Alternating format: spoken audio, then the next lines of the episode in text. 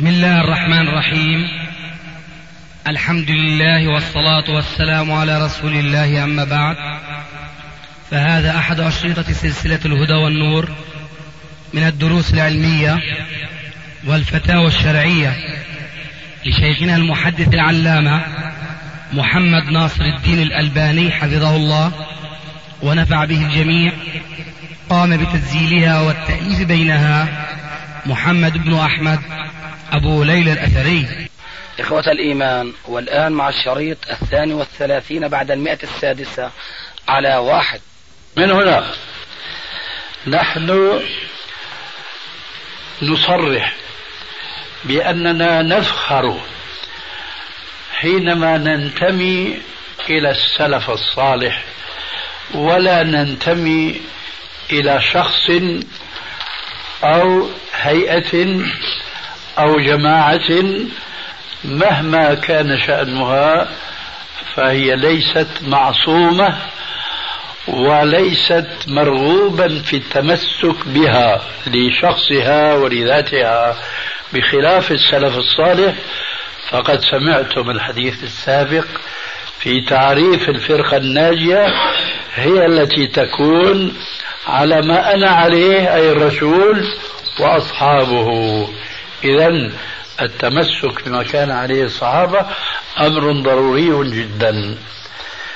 قد يتساءل متسائل هذا الحديث الذي ضم إلى سنة الرسول عليه السلام ما كان عليه أصحابه الكرام هل له من شاهد آخر في كتاب الله أو في حديث رسول الله صلى الله عليه وآله وسلم.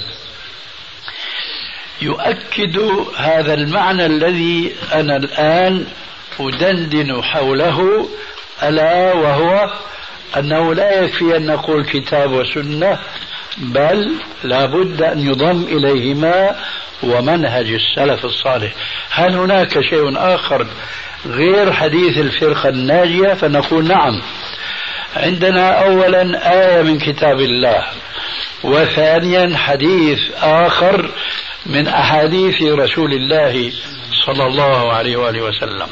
أما الآية فكثيرا ما يقرأها القارئون لكتاب الله ولكن قل منهم من ينتبه إلى النكتة التالية التي فهمناها من جملة قصيرة ذكرها ربنا عز وجل فيها ألا وهي قوله عز وجل ومن يشاقق الرسول من بعد ما تبين له الهدى ويتبع غير سبيل المؤمنين. ذكر الرسول وما اقتصر. بل عطف على ذلك قوله عز وجل ويتبع غير سبيل المؤمنين. اذا هنا شيء ثالث. تماما كما هو في الحديث السابق. ما أنا عليه وأصحابي من هم اصحابه هم المؤمنون المذكورون في الآية. ومن يشاقق الرسول من بعد ما تبين له الهدى ويتبع غير سبيل المؤمنين نوله ما تولى ونصله جهنم وساءت مصيره. كل من كان عنده شيء من الثقافة العربية يشعر معي تماما أن هذه الجملة المعطوفة على ما قبلها ويتبع غير سبيل المؤمنين. لو رفعت من أذهاننا لخسرنا القاعدة التي ذكرتها آنفا خسرانا مبينا. لو كانت الآية كما سأقول ومن يشاقق الرسول من بعد ما تبين له الهدى نوله ما تولى. ترى خسرنا شيئا أم لا؟ خسرنا كثيرا وكثيرا جدا. وهذه الخسارة في الحقيقة يا إخواننا هو سبب انحراف الطوائف الكثيرة قديما وحديثا عن الكتاب والسنة. ذلك لأنهم سلطوا مفاهيمهم وسلطوا عقولهم على نصوص الكتاب والسنة ففسروها دون أن يكون لهم مستند مما كان عليه السلف الصالح وما كان عليه سبيل المؤمنين. وأنا أضرب بمثل هذه المناسبة أمثلة كثيرة وحسبي الآن لأني أشعر أن الكلمة التي اقترحها أخونا رمضان جزاه الله خيرا قد سيأخذ أكثر وقت الأسئلة ولذلك فلا أريد أن أتوسع في ضرب الأمثلة فحسبي مثالا واحدا واضحا كيف يمكن أن ينحرف المسلمون عن كتاب الله حينما يركبون رؤوسهم ويفسرونه دون الاعتماد على سبيل المؤمنين الذي آه، ورثه الخلف عن السلف. كلكم يسمع بطائفة معاصرة لم يمضي على نشأتها إلا أقل من قرن من الزمان ألا وهم الطائفة القاديانية. هؤلاء مسلمون وليسوا بمسلمين. مسلمون يصومون ويصلون ويشهدون كما نشهد لا إله إلا الله وأن محمد رسول الله ويحجون أيضا ولكنهم كما قلت انفا ليسوا مسلمين. لماذا؟ لأنهم خالفوا سبيل المؤمنين. فصبت عليهم الآية السابقة صبا ومن يشاقق الرسول من بعد ما تبين له الهدى ويتبع غير سبيل المؤمنين. هؤلاء اتبعوا غير سبيل المؤمنين لكنهم حينما اتبعوا غير سبيل المؤمنين هل أعرضوا عن الكتاب والسنة؟ لا. هم يتحدوننا. ويقولون لنا نحن مع الكتاب والسنة. أما أنتم فقد أخطأتم الكتاب والسنة. مثال واحد كما قلت انفا. هؤلاء لهم عقائد كثيرة. انحرفوا فيها عن سبيل المؤمنين. ولسنا أيضا في هذا الصدد. لكن حسبكم هذا المثال. من عقائدهم أن النبوة لم تختم. ولم تنقطع بنبينا عليه الصلاة والسلام بل لا تزال أبواب النبوة مفتحة على مصراعيها إلى ما شاء الله في زعمهم. ثم زعموا أن أحد هؤلاء جاءهم وجاءهم من بلاد الهند ومن قرية اسمها قاديان. ولذلك هم ينسبون إليها فيقال عنهم القاديانيون. هذا الرجل اسمه ميرزا غلام أحمد القادياني. يؤمن بالكتاب والسنة لكنه لا يؤمن بالكتاب والسنة. أظن يسهل عليكم الآن أن تفهموا هذا الكلام المتناقض. هم يؤمنون المتناقض ظاهرا يؤمنون بالكتاب والسنة. ولكنهم لا يؤمنون بالكتاب والسنة. كيف هذا؟ يؤمنون بألفاظ الكتاب والسنة ولكنهم لا يؤمنون بحقائق معانيها. واللفظ كما نعلم جميعا الألفاظ هي قوالب المعاني فهي وسيلة لتعبير عما في نفس المتكلم. وليس اللفظ هو المقصود بالذات. كما قيل قديما إن الكلام لفي الفؤاد وإنما جعل اللسان على الفؤاد دليلا.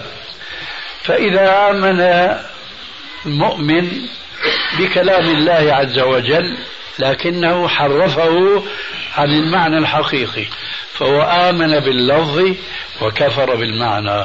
إذا هو كفر بحقيقة الآية وإن آمن بلفظها.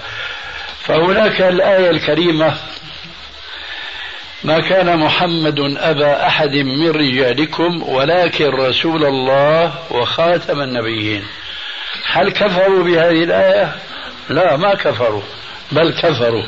عرفتم الآن. لما؟ لأنهم فسروا ولكن رسول الله وخاتم النبيين بغير المعنى الذي تلقاه الخلف عن السلف. ووصل إلينا تفسير الآية بالتواتر.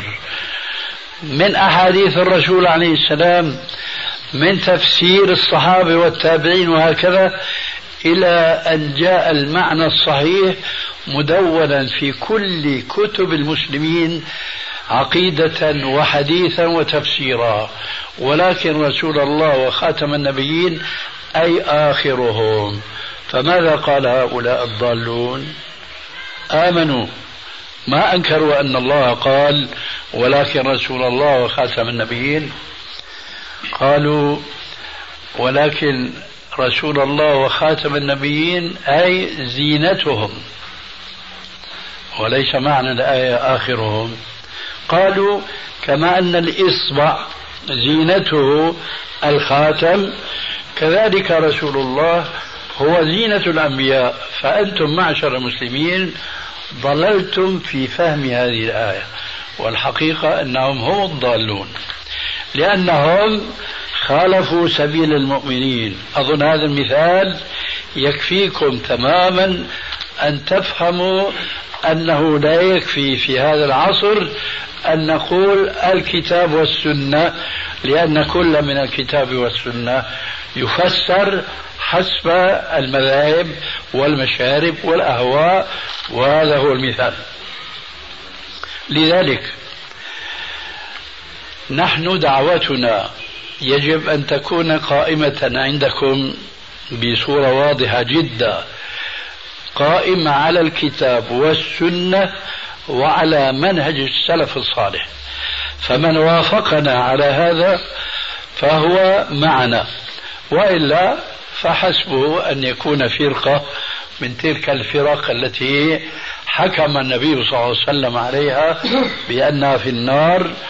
ونحن نقول بلسان الحال وبلسان القال كما قال رب الأنام في القرآن يا أيها الذين آمنوا عليكم أنفسكم لا يضركم من ضل إذا اهتديتم. المهم أن نكون على بينة من دعوتنا وعلى أي أساس قامت دعوتنا وما هو نقطة الخلاف بين دعوتنا هذه وبين دعوات أخرى قد تلتقي كلها أو بعضها على الأقل معنا في الكتاب والسنة ولكن تنفصل عنا في الاحتجاج بما كان عليه سلفنا الصالح. هذا فيما يتعلق بتعريف العلم الذي يجب أن يكون قائما في أذهان المسلمين بعامة. ونختم ذلك بشعر ابن قيم الجوزية حيث جمع هذا المعنى في شعر لطيف جميل فقال العلم قال الله قال رسوله قال الصحابة ليس بالتمويه. أي ثلاث أشياء. العلم قال الله قال رسوله قال الصحابة ليس بالتمويه. ما العلم؟ نصبك للخلاف سفاهة. بين الرسول وبين رأي فقيه. كلا ولا جحد الصفات ونفيها حذرا من التعطيل والتشويه. أما تقسيم العلم فيما يتعلق بشخص المسلم كما قلنا فرض عين وفرض كفاية. فيجب على كل مسلم أن يتعلم ما يتعلق بشخصه. وهناك أمور مشتركة وأمور أخرى منفصلة تتحقق في بعضهم دون بعض. الأمور المشتركة هي أن يعرف العقيدة الصحيحة التي كان عليها السلف الصالح كما ذكرنا. فهذا واجب على كل مسلم وجوبا عينيا. كذلك أن يعرف معنى الشهادة التي هي أصل الإسلام بشطريها. لا إله إلا الله محمد رسول الله. ثم إقامة الصلاة. وهذا حينما كله حينما يبلغ سن التكليف. الصلاة والصيام. أما الحج والزكاة فهذه أمور تتعلق ببعض المسلمين من الذين توفر فيهم شرط الاستطاعة كما تعلمون. ولذلك فلا يجب على كل مسلم أن يتعلم أحكام الحج مثلا أحكام الزكاة مثلا. إذا كان هو فقيرا لا يجب عليه الزكاة ولا يجب عليه الحج ولكن يجب عليه أن يصحح عقيدته أن يعرف صلاة نبيه وما يتعلق بها من شروط وأركان وكذلك الصيام ونحو ذلك. أما من أراد أن يتوسع في طلب العلم ولا يقف عند طلب العلم من القسم الأول أي الفرض العيني فهذا بلا شك أمره يعني واسع جدا وهو مرغوب فيه وربنا عز وجل قد حض على طلب العلم في بعض الآيات وأكد نبينا صلى الله عليه وسلم ذلك في أحاديث كثيرة. حسبكم من القرآن الكريم قول رب العالمين يرفع الله الذين آمنوا منكم والذين أوتوا العلم درجات. أما أحاديثه عليه الصلاة والسلام فيكفيكم الآن. قوله صلى الله عليه وسلم المروي في صحيح مسلم من سلك طريقا يلتمس به علما سلك الله به طريقا إلى الجنة. وبهذا القدر كفاية لنتوجه لتلقي الأسئلة. ولعل الأخ أنت قابلت بين الأسئلة وربما يكون متكررات وتختار منها كما قيل العلم إن طلبته كثير والعمر عن تحصيله قصير فقدم الأهم منه فالأهم. إن شاء الله. آه يا شيخنا حقيقة تواردت آه كثير من الأسئلة آه على معنى واحد. ولكن آه، نكر عليها قراءة سريعة لأن كل هذه الأسئلة التي في يدي تصب في معنى واحد وهي حول حقيقة آه، جواز الانتظام في الجماعات الإسلامية. فيقول سائل هنا نريد من شيخنا ومحدثنا الاستفسار عن الحكم الشرعي في شخص كان ينتمي لجماعة إسلامية ولأمر ما ترك العمل مع الجماعة من الناحية التنظيمية فقط وهو لا يزال يعمل في الدعوة بعيدا عن الشكل التنظيمي الذي تريده الجماعة. هل في بعد هذا يكون آثما بعده سؤال لمحدثنا الشيخ محمد ناصر جزاه الله خيرا حكم الانتظام في جماعة إسلامية.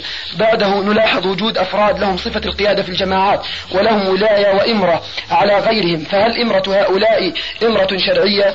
ثم بعد ذلك الشيخ ناصر يحارب في حديثه التجمعات الإسلامية التي تأخذ شكل تنظيم علما أنه ينطلق من نفس المنطلق.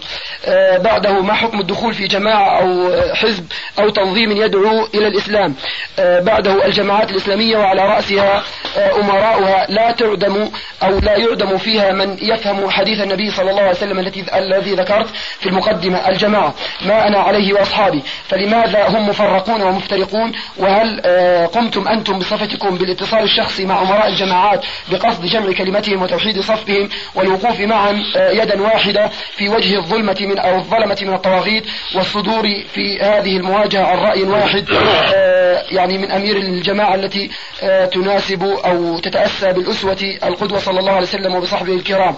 وما هو حكم الانتظام في جماعة؟ أرى كما يرى البعض أن وجود الجماعات الإسلامية لا يوجد لأعمالها أي ثمرات حتى أنهم يوجهون الاتهامات لبعضهم لبعض ويجعل ذلك شباب المسلمين مختلفين حيث أن كل فرد في جماعة يتهم الفرد الآخر في الجماعات الأخرى آه، وأرى أنه إذا لم تتوحد هذه الجماعات فلا داعي لوجودها فما رأيكم في هذا. نلاحظ ابتعاد السلفيين عن الحياة السياسية في هذا البلد مثال انتخابات مجلس النواب وكذلك حرب الخليج فما هو سبب هذا البعد؟ جزاكم الله خيرا. الحمد لله والصلاة والسلام على رسول الله وعلى من اتبع هداه.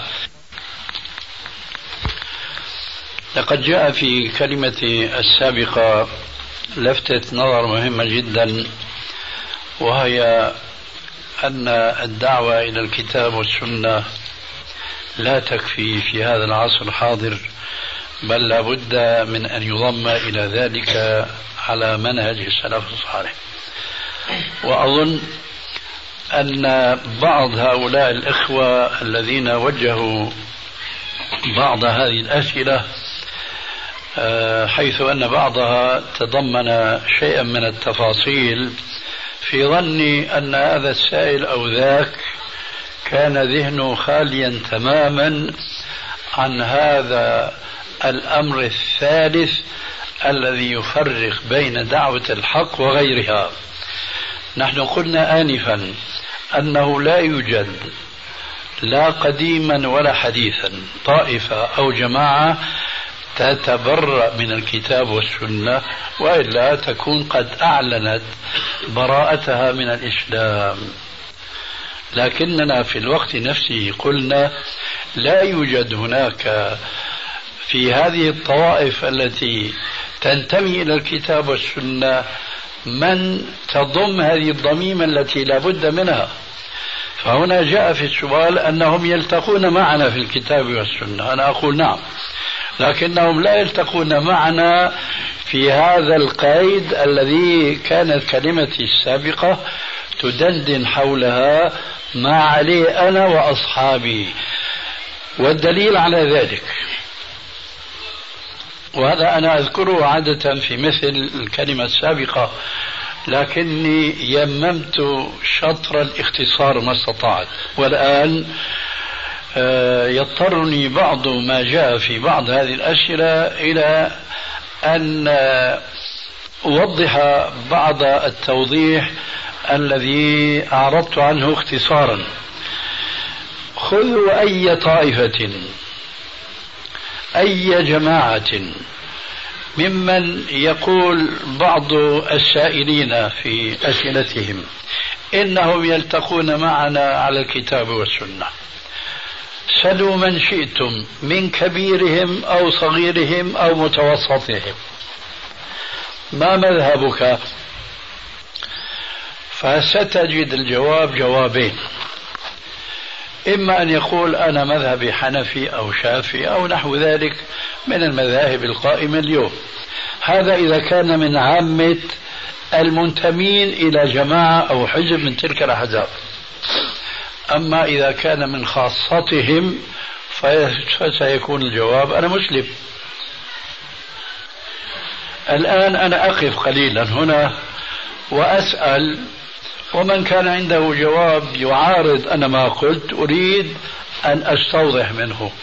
هل هناك من يقول أن هناك من يقول غير هذا الجواب إذا سئل السائل سواء كان من الطبقة الدنيا أو العليا آني المثقفة هل هناك جواب غير أنا حنفي أو شافي أو مالكي أو حنبلي أو أنا مسلم وبس؟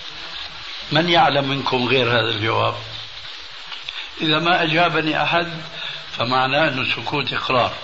أي ليس هناك من يقول إلا هذا. تفضل. قد يقول قائل مذهبي يعني لو قال قائل مسلم ليس هذا جواب على سؤال ما مذهبك. أما قد يجيب آخر وأنا أجيب الآن لو سألتني ما مذهبك أقول لك الإسلام الكتاب والسنة وفعل السلف الصالح. أرجوك أنا ليس هذا سؤالي. لو سئل أحد من هذا السؤال. طيب أنا أسأل الآن من شئتم؟ اسألني. ما مذهبك؟ مذهبي الإسلام. الإسلام. الكتاب والسنة. آه. وتأسي برسول الله صلى الله عليه وسلم وصحبه الكرام. هذا مذهبي. جميل جدا. هذه العبارة يمكن تلخيصها؟ لخصها إن شئت نعم. لخصها إن شئت طيب. إذا كان كتاب وسنة ومنهج السلف الصالح يمكن تلخيصها منهج السلف الصالح؟ منهج السلف الصالح هو اتباع الأسوة. بارك الله فيك. هو لأنه هذا أنا أسأله. أفضل أن أقول. يمكن لكن أولى أولى بك وبي أن أقول منهجي وقدوتي محمد صلى الله عليه وسلم. يا أخي ما اختلفنا. لأنه ما ربى الصحابة إلا محمد صلى الله عليه وسلم. يا أخي ما اختلفنا في هذا. المجال لما يكون مجال بيان والتفصيل فقد أشبعنا الموضوع تفصيلا بما سبق. لأنه نريد أن نقول يمكن تلخيص هذا. لا داعي للتلخيص. ليه؟ نعم لا داعي. ليه؟ لأنه محمد صلى الله عليه وسلم موجود. فينا وإن مات يعني في شخصه يا أخي إذا سألتك أنت ما مذهبك أقول لك لي أني مسلم على دين الإسلام أتبع بهذا الدين محمد صلى الله عليه وسلم يا أخي هذا شأن المسلم شأن آه. كل مسلم بارك الله طيب. شأن كل مسلم أن يتبع أن يطيع الله والرسول نعم. هذا ما يحتاج لبيان نحن نريد أن نبين شيئا قد يكون موضع اختلاف. فأنا قررت آنفا هل هناك مسلم يقول أنا أتبرأ من كتاب الله ومن ومن محمد رسول الله؟ الجواب لا. ليس بمسلم من يقول هذا. فإذا ما في داعي لمثل هذا الكلام لأن هذا عند العلماء يسمى بتحصيل حاصل. تحصيل حاصل. نحن نريد الآن معنى الأذهان غافلة عنه أما أنه مسلم يعني أطيع الله ورسول كل مسلم هكذا طبيعته. لكن هل كل مسلم يتبنى منهج السلف الصالح؟ قل لي. لا. آه.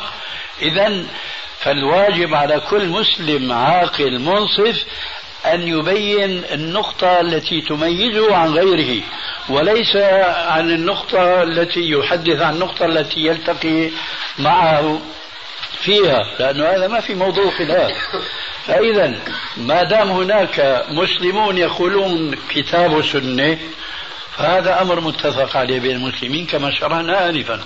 لكن ما دام كما صرحت آنفا هناك مسلمون آخرون لا يقولون زيادة على الكتاب والسنة وما كان عليه السلف الصالح والصحابة.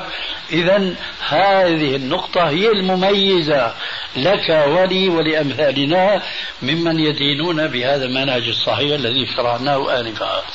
إذا لابد من توضيح منهجك بعبارة أخطر ما تكون. أما تقول أنت ما في داعي ما في داعي في محاضرة.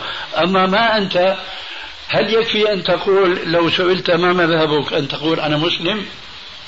هل يكفي اليوم؟ آه. مسألة يعني أعتقد أنها يعني فقط نظرية. وكما قلت هي تحصيل حاصل. انتهى. المعنى مسلم هو الكتاب والسنة واتباع منهج السلف الصالح. ما أجبتني بارك الله فيك. هذه ناحية نظرية أما عمليا لابد من ما أجبتني أرجوك نعم. أن تكون معي. معك. أنا سؤالي بارك الله فيك. هل يكفي اليوم إذا سئلت ما مذهبك أن تقول مسلم يكفي؟ في ظني يكفي نعم. هذا هذا هذا الجواب يتضمن معاني كثيرة ومنها ما أردت اختصاره. بارك الله فيك. هذا يكفي عندك لكن عند عامة الناس ما يكفي. الناس الآخرين نفهمهم. هذا هو فلذلك يجب أن تفهمهم بجواب ملخص عنوان موضوع. عنوان الآن. هل يكفي أن تقول أنا مسلم؟ والزيدي والشيوعي وهو إلى آخره ممن أسماءهم في النفوس أحمد بن محمد إلى آخره والشيعة والرافضة والإسماعيلي إلى آخره. كلهم يقولون أنا مسلم. فأنت يجب أن تتميز. ما يكفي أن تأتي باسم تدخل نفسك في أي مجموعة أخرى أنت تتبرأ منها. ولذلك فيجب أن يكون جوابك واضحا بينا جدا. لذلك أنا أقول اليوم لا يكفي من سئل ما أنت ما مذهبك تقول أنا مسلم. لا ما يكفي. ولذلك هذه نقطة حساسة جدا. وغرضي أنه ما جاء هنا أن هذه الجماعات أو الأحزاب يلتقون معنا. لا ما يلتقون معنا. ونحن ندعوهم دائما إلى التحاكم إلى الكتاب والسنة وعلى منهج السلف الصالح. هذا شيء. شيء ثاني جوابا على بعض الأسئلة التي جاءت في هذه الأسئلة نفسها. كما قال الشاعر والدعاوي ما لم تقيموا عليها بينات أبناؤها أدعياؤه ما يكفي أن تكون دعوانا الكتاب والسنة وحياتنا الخاصة دعنا عن الحياة العامة لا تشهد لهم بأنهم على الكتاب والسنة. الكتاب والسنة يتطلب البيت الذي يعيشه المسلم أن يكون بيتا مسلما. الصورة التي يعيشها المسلم أن تكون صورة مسلم. وكما أقول أنا في بعض المناسبات المسلم لو أخذ من عقر داره بطائرة هليكوبتر ووضع في بلد إفرنجي ونظر إليه قيل هذا رجل مسلم. أما اليوم فالمسلم زيه لا يعطي إشعارا بأنه هذا رجل مسلم. زيه زي المشركين زيه زي الكفار سواء في ملبسه أو في مظهره الذي يخالف فيه. لا أقول سنة نبيه صلى الله عليه وسلم بل وأحاديثه التي أمر المسلمين أن يتمسكوا بها. لذلك فنحن لا نريد كلاما. نريد علما يمشي على وجه الأرض بقدر ما يستطيع المسلم. كثير من الجماعات الإسلامية ينادون يطلبون شيئا. هو الآن بعيد المنال. وهناك شيء قريب المنال وسهل التحقيق ومع ذلك أكثر الجماعات كجماعات. لا أتكلم الآن عن أفراد كجماعات لا تظهر هذه الحقيقة وهو إقامة حكم الله في الأرض. لا تظهر في أنفسهم ولا في دورهم. وهناك كلمة قال بعض دعاتهم القدامى رحمه الله. وهي من الحكمة في مكان عندي حيث قال أقيموا دولة الإسلام في قلوبكم تقم لكم على أرضكم. وهذا مأخوذ من قول حكمة قديمة فاقد الشيء لا يعطيه. فالذي يريد أن يقيم حكم الله في أرض الإسلام كلها وهو لا يطبقها في أرضه الخاصة به هذا لا يستطيع أن يقيم حكم الله عز وجل في الأرض التي ابتليت بالحكام الذين يحكمون بغير ما أنزل الله. بينما هو يكون حاكما في عقر داره كما قال عليه الصلاة والسلام كلكم راع وكلكم مسؤول عن رعيته فالرجل راع وهو مسؤول عن رعيته. فتجد الآن الرجل لا يحكم بكتاب الله ولا بحديث رسول الله صلى الله عليه وسلم في دويلته الصغيرة وهو يريد أن يقيم حكم الله في دولته الكبيرة. كما قيل في الحقيقة أوردها سعد وسعد مشتمل. ما هكذا يا سعد تورد الإبل؟ خلاصة الكلام. نحن من دعوتنا أن إقامة حكم الله في الأرض.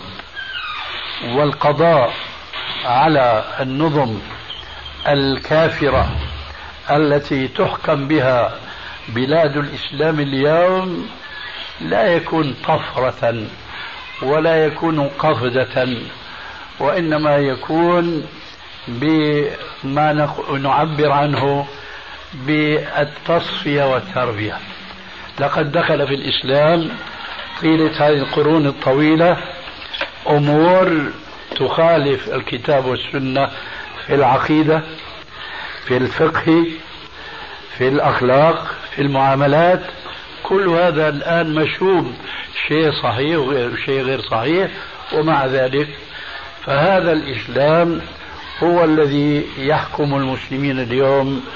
فلا بد من إجراء التصفية لهذا التراث الذي ورثناه في الغث والثمين كما يقال والثمين. فلا بد من التصفية ثم لا بد من تربية المسلمين الناشئين على هذا الإسلام المصفى فأنا أقول آسفا ليس هناك أحزاب إسلامية أو جماعة إسلامية تربي الأفراد على أساس من التصفية المأخوذة أو القائمة على الكتاب والسنة ومنهج السلف الصالح. يقول السائل هنا بسم الله الرحمن الرحيم الحمد لله والسلام على رسول الله أما بعد لقد هيأ الله لنا أن سمعنا بعض الأشرطة وأحببناك في الله من بعد ذلك نود التعليق على حديث أبي هريرة المتفق عليه فإذا نهيتكم عن شيء فاجتنبوه وإذا أمرتكم بشيء فأتوا منه ما استطعتم ما هو ضابط الاستطاعة أوليس تعارض مع الأحاديث الدالة على وجوب اتباع أمر النبي صلى الله عليه وسلم؟ ما حكم العمل بعده؟ يقول ما حكم العمل في بلاد الكفار لجلب النقود؟ ويقول بعده الصوفية حديث لا لا سؤال سؤال حتى نجيب عن كل سؤال. السؤال الأول ما هو؟ آه يقول آه الكلام على حديث فإذا نهيتكم عن شيء فاجتنبوا كيف عندك؟ نعم. الأمور المنهي عنها هي أمور سلبية بينما الأمور التي أمر بها الرسول عليه السلام فهي أمور إيجابية عملية يعني إذا أمرك النبي صلى الله عليه وسلم بالصلاة. فهذا أمر بشيء ينبغي أن تنهض به وأن تقوم به. لكن إذا نهاك عن السرقة فالسرقة بعيدة عنك فيجب أن تتعاطى عملا لكي تقع في هذا المحظور المنهي عنه. فهذا يجب أن تكون بعيدا عنه بالكلية لأنه يحتاج إلى عمل فهو يعطيك أن تزني أن تسرق أن تفعل إلى آخره. ما نهيتكم عنه فاجتنبوه كله لأنه لا يتطلب عملا فهو أمر سلبي. بخلاف الأوامر ما أمرتكم به من شيء فأتوا منه ما استطعتم. هذا أمر واضح في مثل قوله عليه الصلاة والسلام صل قائما فإن لم تستطع فقاعدا فإن لم تستطع فعلى جنب. هنا أمر بعمل ما ألا وهي الصلاة. لكن للصلاة أركان منها أن تصلي قائما وهذا كما هو معلوم في الفريضة. لكن هذا الأمر بهذا الفعل ألا وهو القيام في حدود طاقة الإنسان. لذلك قال لك صل قائما. فإن لم تستطع هل تصلي مضجعا لا. هناك مرحلة بين القيام وبين الاضطجاع صل قائما. فإن لم تستطع فقاعدا. فإن لم تستطع فعلى جنب. إذا الأمور الإيجابية العملية هي التي تدخل في حدود قوله تعالى اتقوا الله ما استطعتم. أما الأمور السلبية المنهي عنها فهي على إطلاقها لأن الذي يريد أن يخالفها لابد أن يأتي بعمل. فالله عز وجل قد نهاك عن هذا العمل. إذا هذه المناهي داخلة كلها في عموم التكليف لا يستثنى منها شيء. لأنك إذا أردت إذا أردت أن تستثني فمعنى ذلك أنك تريد أن تعمل ونهاك عن العمل. بينما الذي أمرك بعمل ما هو متعلق باستطاعتك كما في الحديث السابق وكما في الآية الكريمة ولله على الناس حج البيت من استطاع إليه سبيلا. أما تحديد الاستطاعة فهذا لا يمكن تحديده ولأمر ما لم يقيد ربنا عز وجل ذلك لأن فيه تكليف ما لا يطاق. أنواع من الاستطاعات بالعشرات بالمئات بالألوف لا يمكن أن يتحدث عنها تفصيليا وإنما الأمر يعود إلى الشخص المبتلى. هو الذي يستطيع أن يحدد هل هو مستطيع أن يصلي قائما أم لا. الطبيب نفسه لا يستطيع أن يقول له تستطيع أن تصلي أو لا تستطيع أن تصلي. لذلك فالاستطاعة وكلت شرعا إلى المكلف. فلا تحديد في الموضوع إطلاقا. غيره. سؤالي مالك آه، يقول السؤال الثاني ما حكم العمل في بلاد الكفار لجلب النقود؟ نحن نرى فيما فهمنا من كتاب الله ومن حديث رسول الله صلى الله عليه وآله وسلم ومن عمل السلف الصالح أن الذهاب إلى بلاد الكفر في سبيل التجارة فهو أمر جائز.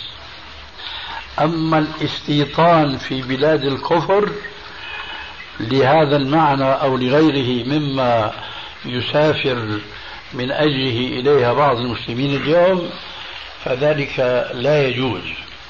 ومع ذلك ففي الأمر الأول الذي ركنا فيه إلى ما كان عليه أصحاب الرسول من الذهاب إلى الشام للتجارة ورحلة الشتاء والصيف المذكور في الآية الكريمة هذا لابد له من شرطين في في استنباطي وفي فهمي. وهما أنه يجب على كل مسلم يريد أن يذهب إلى تلك البلاد للتجارة أن يكون محصنا ومحصنا أن يكون محصنا في سلوكه في أخلاقه ومحصنا لغيره أي متزوجا حتى يعف نفسه بزوجه في تلك البلاد التي يكثر فيها الفسق والفساد والفجور في هذه الأيام أكثر مما كان عليه في قديم الزمان. لأن أهل الكتاب ولو أنهم ضلوا ضلالا بعيدا بكفره بما جاءهم به رسول الله صلى الله عليه وآله وسلم فهم كانوا قديما لا يزالون يتمسكون بكثير من الأخلاق والآداب والسلوك الموافق لما جاء به الرسول عليه السلام. أما اليوم فقد خالفوا ليس الإسلام خالفوا التوراة والإنجيل والزبور فلم يبقى هناك شيء من أثر لكتبهم التي يسمونها بالكتب المقدسة إلا أمور شكلية جدا. ولذلك فمن أراد أن يذهب إلى تلك البلاد لتحقيق مصلحة خاصة مؤقتة فلا بد أن يكون معروفا في حسن أخلاقه وسلوكه. وأن يكون أيضا متزوجا بزوجة صالحة تحفظه من أن تزل به القدم. هذا هو جواب عن هذا السؤال. آه، يقول السائل الصوفية حديثة عهد في بلدنا بماذا تنصحنا؟ الصوفية فيها خلاف قديم جدا بين المسلمين المسلمين بالمعنى العام كما شرعناه آنفا. والحقيقة أن لهذا الاسم التصوف والذين ينتمون إليه الصوفية أو المتصوفة آه، معاني و آه، معاني كثيرة ومختلفة جدا. نحن نعلم من مخالطتنا لكثير من هؤلاء أنهم حينما تقام عليهم الحجة فهم يقولون التصوف ليس إلا التمسك بالأخلاق التي كان عليها رسول الله صلى الله عليه وآله وسلم ومنها مثلا الزهد في الدنيا والرغبة في الآخرة. هكذا يقولون حينما تقام عليهم الحجة وحينئذ نحن نقول إن كان التصوف هو هذا بزعمكم فيبقى الخلاف بيننا وبينكم لفظيا. ارفعوا كلمة التصوف لأنها أصبحت كلمة لها معاني كثيرة وكثيرة جدا بعضها ومنها ما ذكرنا عنهم آنفا التمسك بالأخلاق الكريمة والزهد في الدنيا والإقبال على الآخرة. ما في ضرورة إذا أن نطلق هذا الاسم المشكوك في المراد منه على هذا الأمر المتفق عليه من التمسك بأخلاق الرسول عليه السلام والزهد في الدنيا والإقبال على الآخرة. لكن الحقيقة أن لمفهوم التصوف معاني أبعد أبعد بكثير عن هذا المعنى الصحيح ثم هذا البعد تارة يخرج صاحبه من دائرة الإسلام. وتارة يلحقه بفرقة من الفرق الضالة. أما الحالة الأولى فأولئك هم الذين يؤمنون بما يعرف عند أهل العلم بعقيدة الوحدة أو وحدة الوجود بالتعبير الأوضح. وحدة الوجود تعني هو الإلحاد بعينه. تعني الطبيعة بتعبير علماء الطبيعة. أي لا شيء إلا المادة حيث يقول قائلهم كل ما تراه بعينك فهو الله. إذا هي المادة. كل ما تراه بعينك فهو الله. ويقول آخر وما الكلب والخنزير إلا إلهنا وما الله إلا راهب في كنيسة. ويقول ثالث العبد رب والرب عبد فليت شعري من المكلف؟ إن قلت عبد فذاك نفي أو قلت رب أن يكلف. والرابع وخامس ما أدري كم صار الرقم يقول لما عبد المجوس النار ما عبدوا إلا الواحد القهار. هذه كلها عبارات مسطرة في كتبهم التي يتبركون بها. فمثل هذه العقيدة تخرجه تخرج صاحبها من دائرة الإسلام لأنها عقيدة أكثر من عقيدة اليهود والنصارى. وهذا يذكرني بقول أحد غلاتهم حيث قال إنما كفر اليهود والنصارى لأن اليهود حصروا الله في العزير. أما النصارى فحصروا الله في الآب والإبن وروح القدس. أما نحن أي هم قال فقد عممناه في كل شيء. عممناه في كل شيء. ولذلك فمن ذكرهم ليس ذكرهم ذكر المسلمين كما قال عليه السلام أفضل الذكر لا إله إلا الله. لا ذكرهم هو هو. وبيقولوا في بعض العبارات التي مع الأسف آه، تلقفها بعض العامة عندنا في سوريا. بتلاقي الواحد جالس بده يذكر الله؟ شو بيقول؟ ما في غيره. ما في غيره. شو ما في غيره؟ هي الأغيار. في خالق في مخلوق. هذه عقيدة وحدة الوجود. سرد في ألفاظ بعض الناس لكنهم لا ينتبهون إلى دلالها. ومثلها تماما قول كثير من الخاصة والعامة. الله موجود في كل الوجود.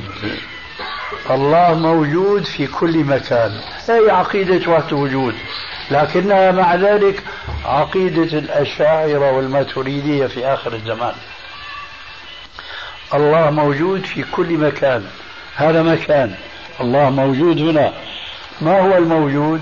زيد وبكر وعمر ومادة وحيطان وهواء والى اخره الله هنا الرحمن عرش استوى هي عقيدة السلف الصالح. إلى آخره. فهذا النوع من التصوف هو أكثر الكفر الذي وجد على وجه الأرض. في نوع دونه وهو الذي انحرف في سلوكه عما كان عليه الرسول صلى الله عليه وسلم. من تحميل النفس ما لا تطيق باسم تربيتها باسم تربيتها. وهنا نحن نقول لسنا نحن بصفتنا مسلمين لسنا بحاجة أبدا إلى وسيلة نتلقاها من طريق غير طريق نبينا صلى الله عليه وآله وسلم لنربي بها أنفسنا. كيف؟ وفي الحديث الذي أخرجه الإمام أحمد في المسند وغيره في غيره من حديث جابر بن عبد الله الأنصاري رضي الله تعالى عنه أن النبي صلى الله عليه وآله وسلم رأى ذات يوم في يد عمر بن الخطاب صحيفة يقرأ فيها. قال ما هذا يا عمر؟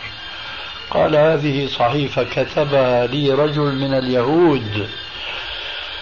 فقال عليه الصلاة والسلام يا ابن الخطاب أمتهوكون أنتم كما تهوكت اليهود والنصارى؟ والذي نفس محمد بيده. لو كان موسى حيا ما وسعه إلا اتباعي. لو كان موسى حيا ما وسعه إلا اتباعي. إذا إذا كان موسى كليم الله والذي أنزل الله عليه التوراة مباشرة لو كان أدرك النبي صلى الله عليه وسلم لم يسعه أن يتبع توراته بل لا يسعه إلا أن يتبع نبينا صلى الله عليه وسلم. إذا كيف بنا نحن اليوم باسم الإسلام الصوفي.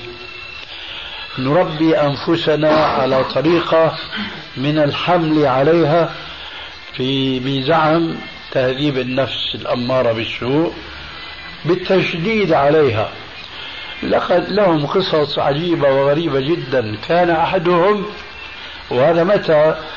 في بعض القرون الأولى المشهود لها بالخيرية أما فيما بعد في عهد الشعراني وما أدراك ما الشعراني فحدث ولا حرج.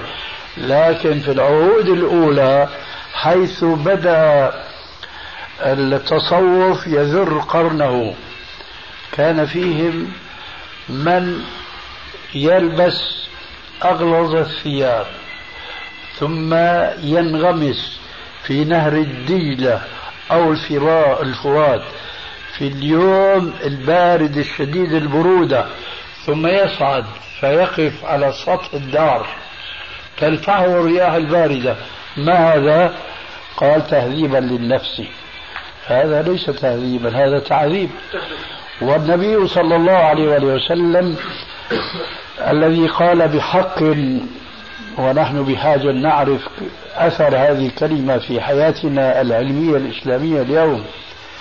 ما تركت شيئا يقربكم إلى الله إلا وأمرتكم به. وما تركت شيئا يبعدكم عن الله ويقربكم إلى النار إلا ونهيتكم عنه. ومن ذلك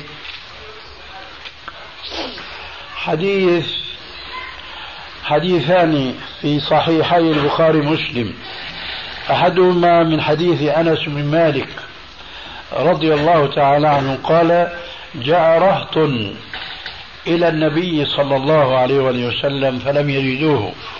فسألوا أهله عن عبادته عن قيامه في الليل وصيامه في النهار وقربانه للنساء. فتحدثنا بما يعلمنا وقلنا إنه عليه السلام يصوم ويفطر. ويقوم الليل وينام ويتزوج النساء. قال أنس فلما سمعوا ذلك تقالوها.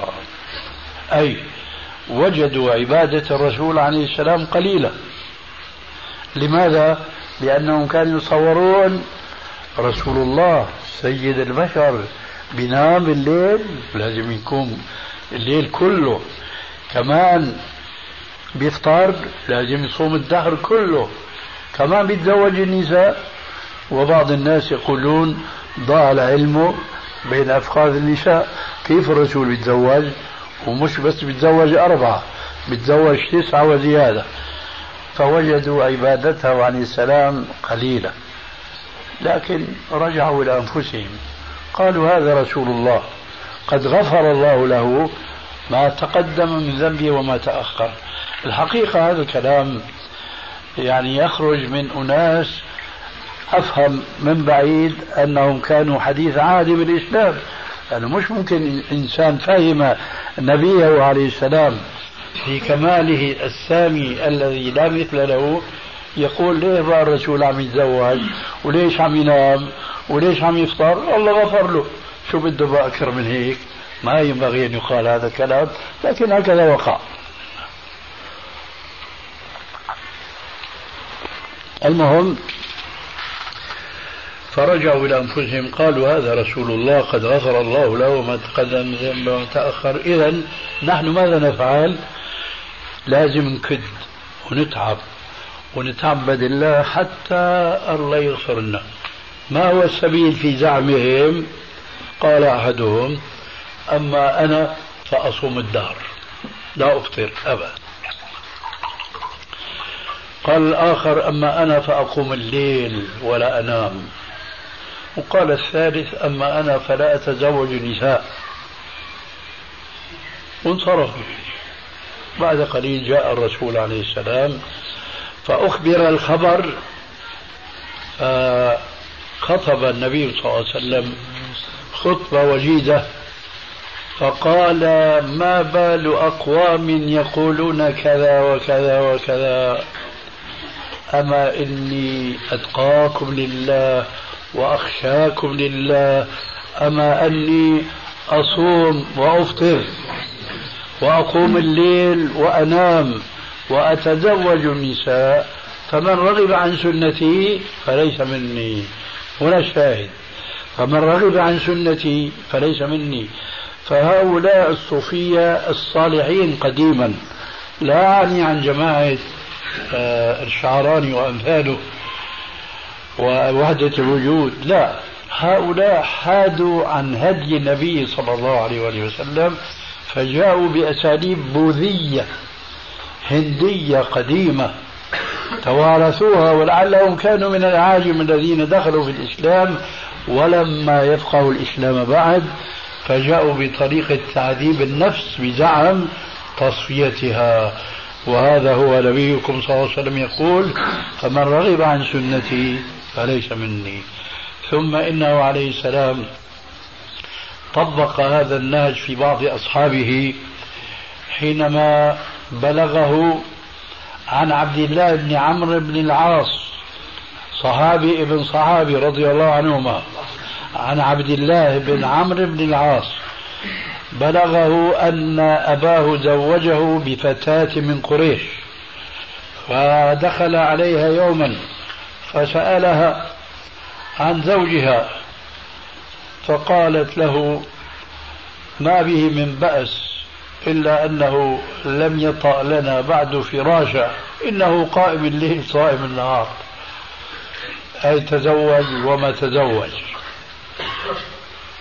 فصعب الأمر على عمرو وشكى ابنه إلى نبيه صلى الله عليه وسلم.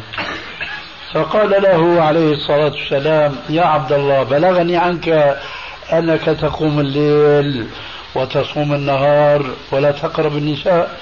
قال قد كان ذلك يا رسول الله. وهنا الحديث فيه طول وأختصره. فأقول إن النبي صلى الله عليه وسلم وضع له منهجا ليتعبد الله فيه ويجمع كما يقولون اليوم بين حق الجسم وحق النفس من جهة وحق الروح من جهة أخرى أي العبادة. فقال وقد كان يقوم الليل كله يختم القرآن ويصوم الدهر. قال بالنسبة لقراءة القرآن هذا في نهاية المطاف. ولا القصة طويلة. قال اقرأ القرآن في ثلاث ليال. فمن قرأ القرآن في أقل من ثلاث لم يفقهه. وفيما يتعلق بالصيام قال له في أول الأمر صم من كل شهر ثلاث أيام. والحسنة بعشر أمثالها فكأنما صمت الشهر كله. فكان يقول يا رسول الله إني شاب إن بي قوة إني أستطيع أكثر من ذلك. وبتلاحظوا هنا الفرق بين ذاك الجيل وجيلنا اليوم. شاب في مقتبل العمر زوجه أبوه بفتاة من قريش يعرض عنها ويقوم الليل ويصوم النهار وإلى آخره. لما الرسول بيقول له هون على نفسك بيقول له يا رسول الله أنا شاب أنا قوي أنا أستطيع أكثر من ذلك. اليوم بالعكس تماما. ينشأ الشاب في طاعة الله بتلاقي الصادين من حوله. القريب والبعيد أولا الأب وثانيا الأم. بيقولوا له اخطي بعدك بدري لساتك شاب لاحق لاحق تتعبد. انظر الفرق بين ذاك الزمان وهذا الزمان. الشاهد قال له في نهاية المطاف صم يوما وأفطر يوما فإنه صوم داود عليه السلام. وكان لا يفر إذا لاقى. قال يا رسول الله إني أريد أفضل من ذلك. قال لا أفضل من ذلك. فوين الصوفية هذه الزاهدة الزاعمة مخالفة للكتاب والسنة. فإذا ما كان من التصوف مفسرا بما يوافق الكتاب والسنة حقيقة فحينئذ ارفعوا هذا الاسم ونبقى على الكتاب والسنة ومنهج السلف الصالح. وما خالفهما فنحن نضرب بذلك عرض الحائط. إخوة الإيمان تتمة الكلام في الشريط التالي. إذا سمحت قليلا بدي أذكر بشيء